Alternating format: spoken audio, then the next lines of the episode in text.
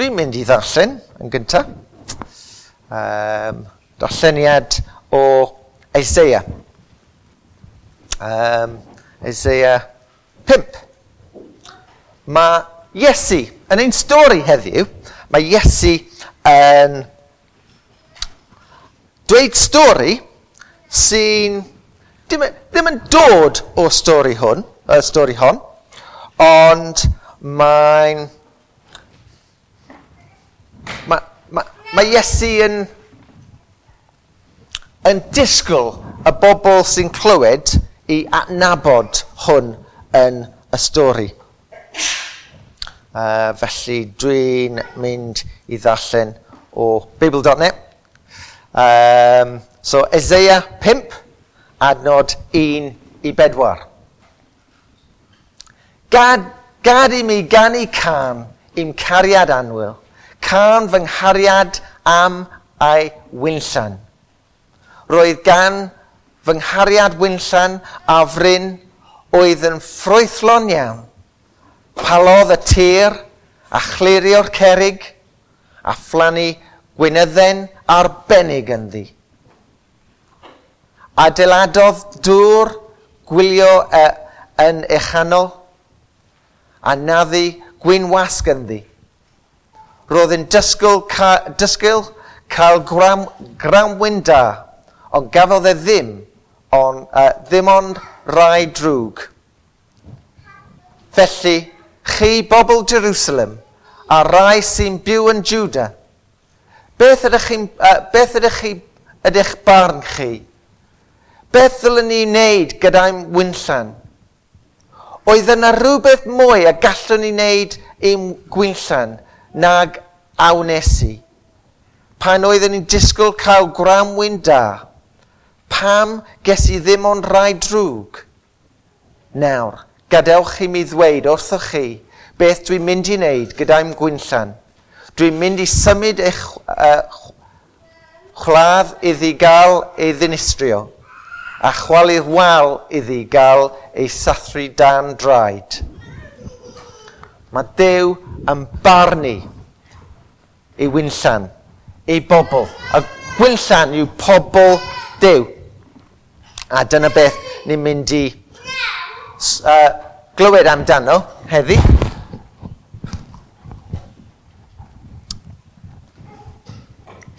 Wedi bod yn cyffwrdd ffôn. So... Dyna ni. Mae popeth arall yn lan. Ah, da iawn.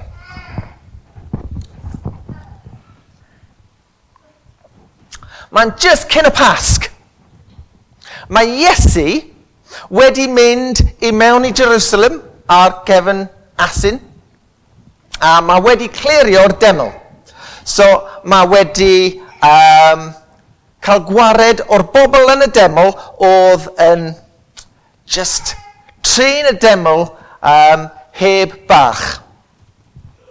Um, mae Iesu eisiau treulio ei amser nawr yn y deml gyda'r bobl, dysgu nhw, a mae, rai, a mae lot o bobl yn yr wythnos cyn i Iesu farw yn gofyn lot o gwestiynau i Iesu yn y deml. A mae rai uh, yn dod ato fe i ofyn am ei awdurdod. A mae Iesu yn sort o ateb, mae yn ateb y cwestiwn, ond mae'n ateb y cwestiwn gyda cwestiwn. A wedyn, i'r bobl oedd yn gofyn y cwestiwn, mae Iesu yn dweud stori. Um, dameg uh, mae Iesu yn disgrifio nhw, well, dangos eu hunain. Um, so mae'r ma, ma, ma arweinwyr, yr iddewon, yn adnob, adnabod eu, hu, eu hunain yn y stori hon. OK. Uh, darlleniad rhif 1, please.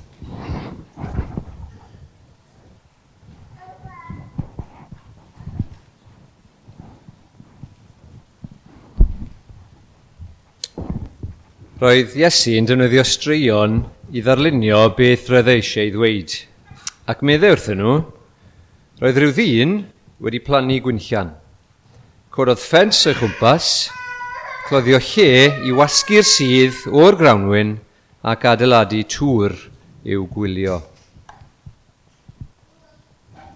So roedd pechenog y gwynllan, um, plannu gwynllan, Um, a plannu... Um, o, dyma ni, grawnwyn. A mae'n adeiladu tŵr a wal o gwmpas. A mae'n neud popeth mae Gwynllan angen. Mae'n neud popeth... Um,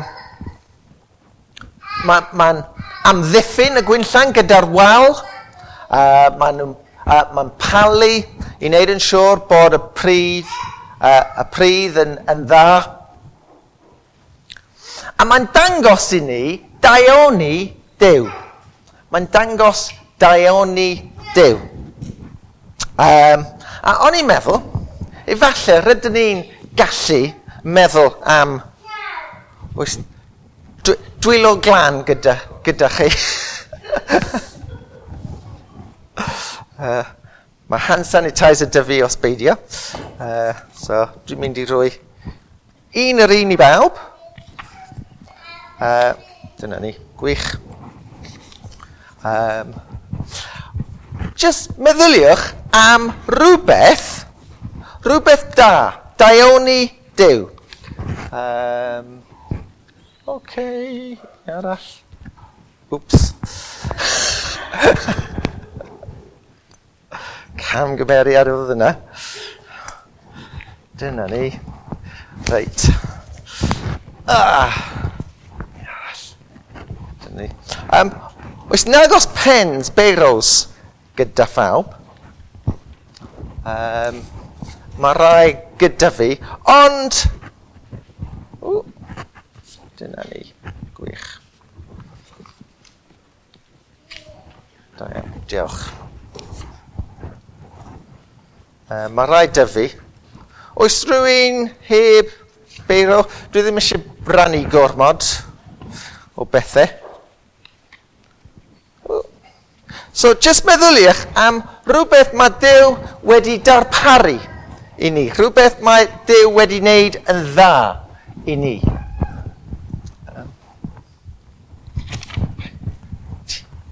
Hello? Ah, oh, ydw i wedi dedig mas? Oes rai bobl heb, sori, dwi'n redig mas o bapur. Um, Mae'r pens yn lan hefyd. Oes rhywun heb? Ti. Ti. Ah.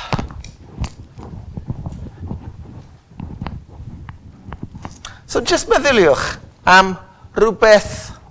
Oes rhywun heb? Beigraf.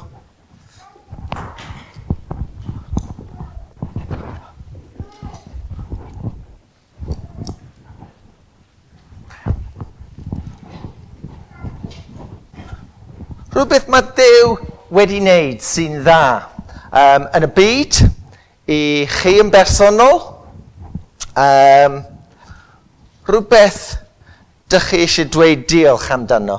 Mae, mae Dyw eisiau i ni ddweud diolch. Ww, dyna gair da i ddechrau off. So, dyma... Yd, ydych chi'n gallu darllen y gair na? So, darllenwch y melyn, nid y coch. OK, Daioni, mae'n dweud. Daioni. Daioni Dyw. A roedd Dyw yn dangos i ddaioni gyda'r gwynllan uh, darparu popeth. O'n i'n mynd, i, mynd i ddefnyddio darparu, ond does dim lot o le ar y bwrdd i bob gair. Ond daioni a dweud diolch. Rhaid i ni ddweud diolch. So, nawr, gallwn ni gasglu nhw um, i gyd. Roeddwn ni'n mynd i gael um, wymwydden um, fan hyn a stico popeth ar y bwrdd. Wedyn, o'n i'n poeni am uh, cynwr coronavirus a phopeth a meddwl, oh, mae'n ormod i feddwl amdano, so ni'n mynd i just gadw nhw. Um, so, ydy rhywun sydd eisiau um, rannu beth sydd ar ei gramwyn? Ie? Yeah? Cariad, cariad Dyw. Mae Dyw wedi rhoi ei gariad i ni. Da iawn? Rhywbeth arall? Teulu a ffrindiau. Ie? Yeah? O, Oh, maddau, maddeiant. Da iawn, gair da. Rhywbeth arall? Bywyd, ie. Yeah. A iechyd i'r um, rhan fwyaf ohono ni. Rhywbeth arall? O, oh, y creadigaeth, ie. Yep. Dyn ben ac... Ah, da iawn, ie. Yeah. Um, neud ni i edrych ar ôl beth mae Dyw wedi wneud.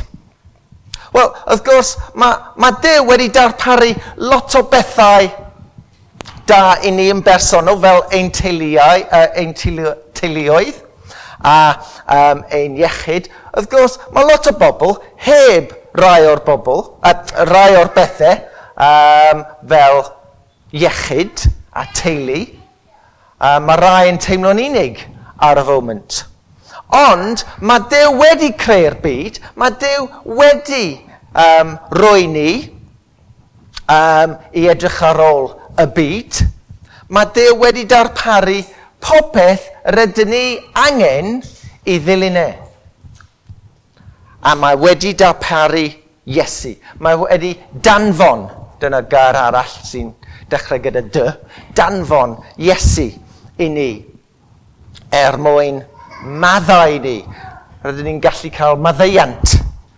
Um, so, dwi'n mynd i ddweud diolch, gweddion. Um, gweddion, a dweud diolch i ddew. Dew, ein ta, diolch am bopeth, bopeth dda sydd gyda ni.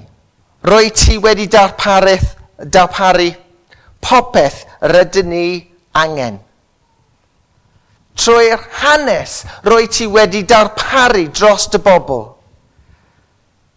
Tynnu nhw mas o raifft, roi y cyfraith iddyn nhw, roi dy bresenoldeb,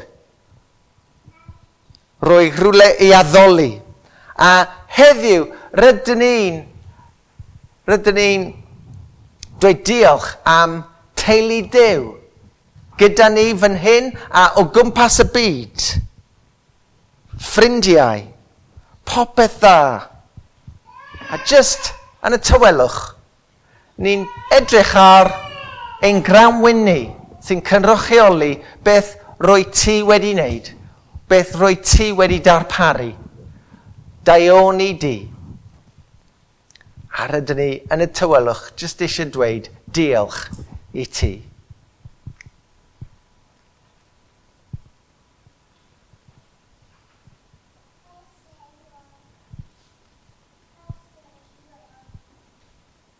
ac yn fwyaf, rydyn ni eisiau dweud diolch i ti am anfon Iesu i ni.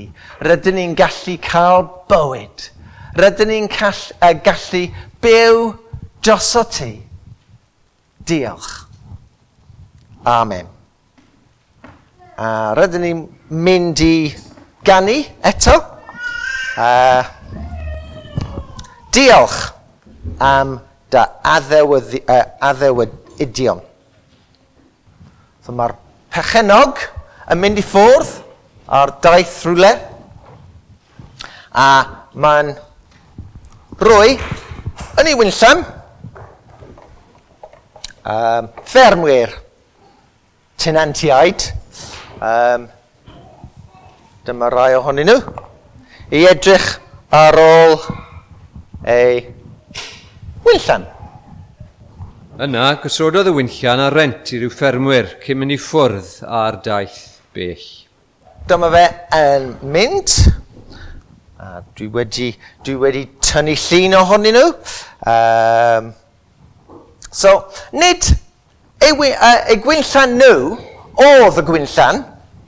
Um, Mae'n dal i berchen i y, pechnog, uh, y pechnogwr um, sydd dew yn wir. So, um, dew yw'r person sy'n bechen y, gwyn, uh, y gwynllan. A dyma rai sy'n edrych ar reole. Yn wir, mae Iesu yn sôn am arweinwyr yr iddewon. A phariseiaid a'r um, offeriaid a maen nhw'n edrych, uh, maen nhw'n tyfu'r gramwyn, a mae lot o ffrwyth yn dod o'r uh, gwynwydden. Pan oedd hi'n amser casglu'r grawnwyn, anfonodd un ei weision i nôl i siar o'r ffrwyth gan y tenantiaid. Ond dyma'r tenantiaid yn gafel yn y gwas ei giro a'i anfon i ffwrdd heb ddim. OK, so, mae pechenog yn anfon rhywun i gasglu i ran o'r um, gramwyn. Mae'n anfon rhywun i ddweud, OK, mae uh, mae pechenog eisiau cael y gramwyn nawr, ydych chi wedi bod yn edrych ar ole, um, a tyfu nhw, a nawr mae pechenog eisiau cael e. Wel, mae'r bobl, mae'r ffermwyr yn cael gwared ohono fe. Mae ma nhw'n curo fe a taflu fe mas o'r gwynllan. Wedyn, mae'n anfon rhywun arall. A maen nhw'n neud yr un peth. Maen nhw'n curo fe a taflu fe mas o'r gwynllan. A wedyn, mae'r pechenog yn anfon rhywun arall. A maen nhw'n lladd. A mae Iesu yn dweud bod yn y stori bod nhw'n curo neu lladd pawb, sawl pobl. Um, llawer o bobl oedd y pechenog yn anfon i'r um, gwynllan. Nawr, dyma'r proffwydi. So, yn yr hen testament, proffwydi fel pwy sy'n gallu dweud pwy oedd y proffwydi. Yeah. Isaiah, ie, yeah, da iawn. Ni wedi cael um, darlleniad o Isaiah yn barod. Rwy'n arall? Nehemiah, da iawn. Sorry? Jeremiah? Elisais? Micah? Ie. Yeah. So, roedd y, y proffwydi yn dysgu'r bobl am ddew. Ond doedden nhw ddim eisiau clywed. Doedden nhw ddim eisiau um, clywed gair dew. A dweud y gwir, rydyn ni'n neud yr un peth. Bob tro, rydyn ni'n dweud, o, oh, dwi, dwi ddim eisiau helpu eraill, dwi eisiau um, gwneud beth dwi eisiau gwneud. Dwi ddim eisiau um, Dwi ddim eisiau gwneud yr hyn sy'n sy'n dda, sy'n gywir. Dwi eisiau gwneud just plesio fy hun. Dwi eisiau car, dwi eisiau tŷ, dwi eisiau mwy o deganau. Um, dwi ddim yn poeni am eraill, dwi eisiau cael beth dwi'n gallu cael mas o'n bywyd. Rydyn ni'n cael ein clustiau a dweud, Dew, dwi ddim yn poeni amdano ti, Dwi ddim eisiau gwybod, a bob tro rydyn ni'n rydyn ni'n dweud rhywbeth, uh, gwneud rhywbeth hunanol, dyna beth ni'n neud. Ni'n cael ein clistiau a cael dew mas. Roedd y pechenog yn... Ww, pwy sy'n gwybod beth mae hwn yn mynd i ddweud cyn i mi orffen da iawn. Disgwyl da. Disgwyl da. Rhywbeth, uh, disgwyl cael um, pobl sy'n derbyn y bobl oedd e'n anfon i, i, i weision. Ond roedd e'n... O, oh, da iawn. Dyna ni. Darganfod. Darganfod. Pwy sy'n gallu dyfalu beth mae hwn yn mynd i ddweud cyn i mi sgrifennu? drwg. Ie, yeah, disgwyl da a darganfod drwg. Disgwyl da a darganfod drwg. Doedd, doedden nhw ddim yn derbyn y bobl oedd e'n danfon. Roedden nhw'n cael eu clistiau a cael e mas. A mae canlyniad yw hwn canlyniad cae dew mas yw, o'n i'n mynd i ddefnyddio gair arall, dicter, ie, yeah, barn, dew. Um, beth yw'r uh, gair uh, dead, deadfrid, uh, deadfrid, ie, yeah, um, ond, ie, uh, yeah, esu am um, dicter, dicter Dyw. Mae, ma Dyw yn cosbi pawb sy'n cael y mas.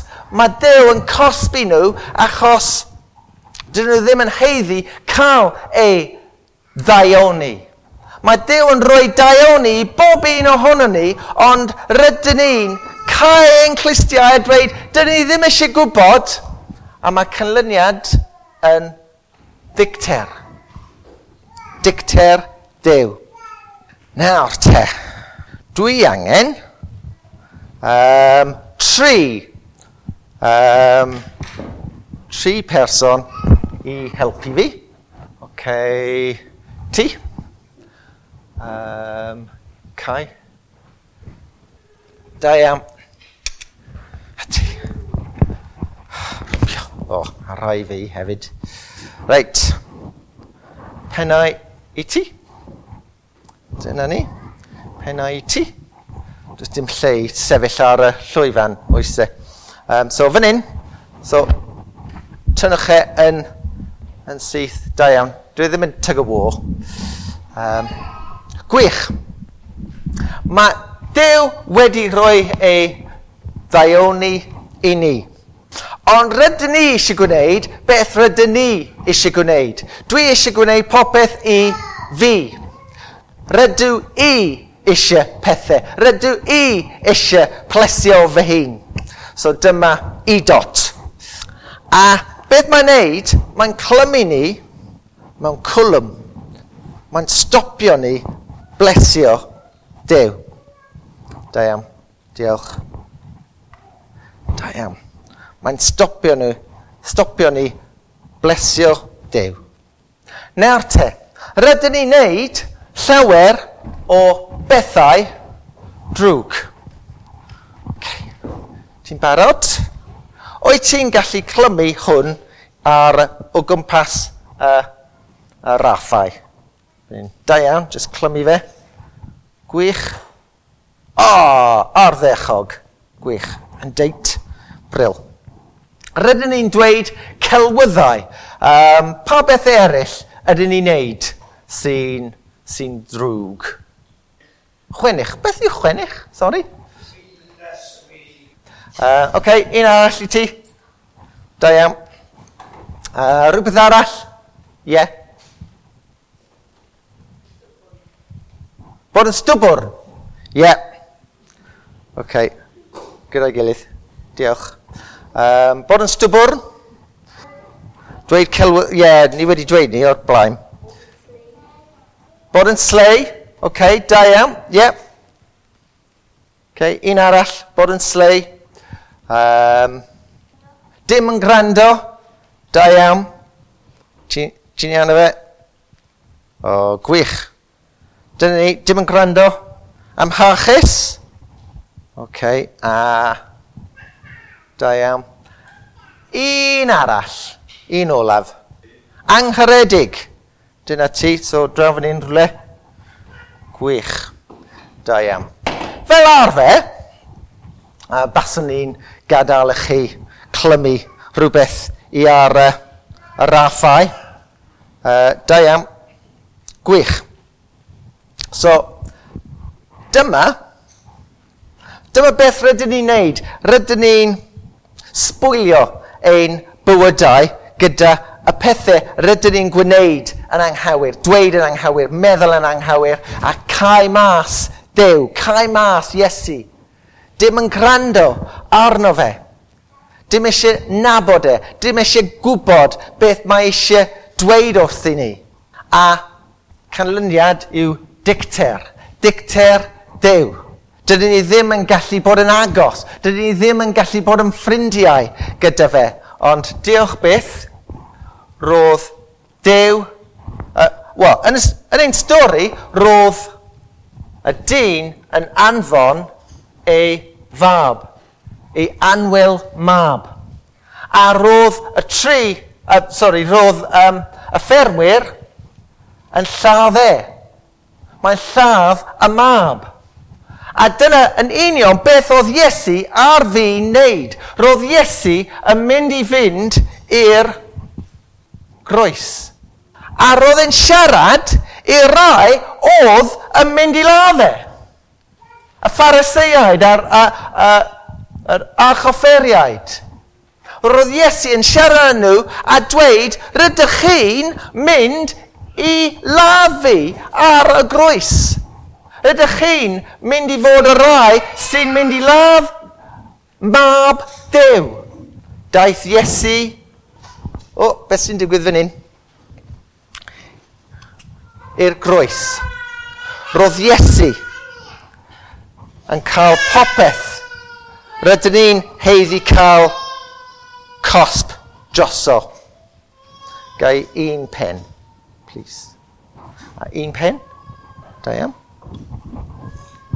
Roedd e'n cael popeth ar y groes. Ond doedd Iesu ddim yn aros um, just yn farw. Roedd Iesu yn marw. Ond yn ein stori heddiw, mae, mae Iesu yn, uh, yn newid y llun. Mae'n dod o sôn am uh, y, y gwynllam, am dechrau sôn am y, y carreg sylfaen, y congolfaen. Uh, mae Iesu yn sôn am um, rai oedd y ffermwyr ddim eisiau, y, y adeiladwyr ddim eisiau, maen nhw'n gwrthod um, un carreg, achos doedd e ddim yn siarp iawn i adeiladu pethau gyda fe. Ond mae Iesu yn dweud, Oedd e eisiau i ni adeiladu ein bywydau ar y gareg sylfaen. Ef, Iesu ei hun. Felly, dyn ni ddim yn gallu um, adeiladu ein bywydau ar rhywbeth sy'n farw, roedd Iesu yn meddwl oedd e'n mynd i atgyfodi, dod nôl yn fyw. A dyna yn union beth mae Iesu yn, yn ei wneud. Mae Iesu yn atgyfodi, mae'n codi nôl yn byw. A, uh, oce, okay. tynnwch, tynnwch, da iawn, diolch. A mae'n cael y pethau rydyn ni wedi gwneud a dweud a meddwl yn anghawyr. A mae'n tynnu nhw i ffwrdd. A mae'n neud ni yn lan. Unwaith eto.